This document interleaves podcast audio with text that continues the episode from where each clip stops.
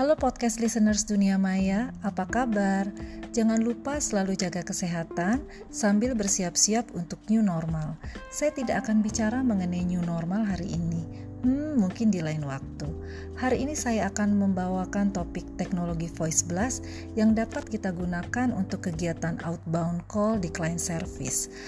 Perusahaan di mana saya bekerja saat ini menggunakan teknologi ini untuk melakukan kegiatan proaktif kontak yang kami sebut sebagai Voice Blast Proaktif Kontak.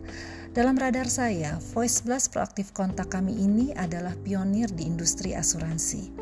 Apa itu Voice Blast Proaktif Kontak?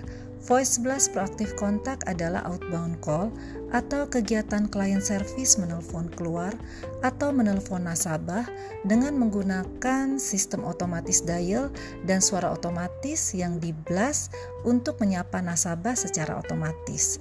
Tapi bukan sampai di situ saja, nasabah juga bisa minta disambungkan dengan call center officer kami untuk berbicara secara interaktif. Cara ini sangat membantu perusahaan untuk melakukan proaktif kontak kepada nasabah yang selama ini tidak dilakukan oleh tenaga pemasarnya, mungkin karena tenaga pemasarnya sudah tidak aktif lagi atau memang tenaga pemasarnya kurang proaktif.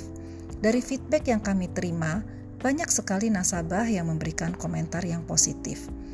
Kalau saya bertanya pada podcast listeners dunia maya, ada nggak ya perusahaan asuransi saat ini yang melakukan hal tersebut, menghubungi nasabah hanya untuk menyapa?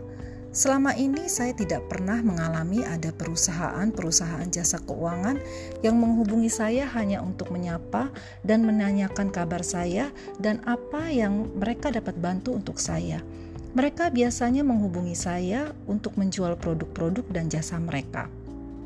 Voice Blast sendiri adalah teknologi yang bisa kita gunakan untuk mengedepankan efisiensi dan efektivitas, karena kita bisa menjangkau ribuan nasabah dalam waktu yang singkat dan bersamaan daripada kalau harus call center officer yang melakukan telepon satu persatu.